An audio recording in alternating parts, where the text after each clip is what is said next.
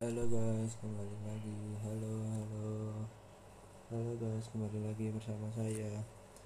Kali ini saya akan membahas tentang farming.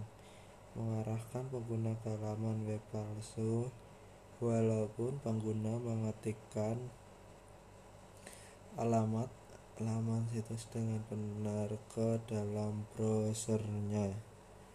Hal ini dimungkinkan jika para penipu internet untuk mempercepat jelajah browsing internet dan perusahaan ISP memiliki banyak perangkat.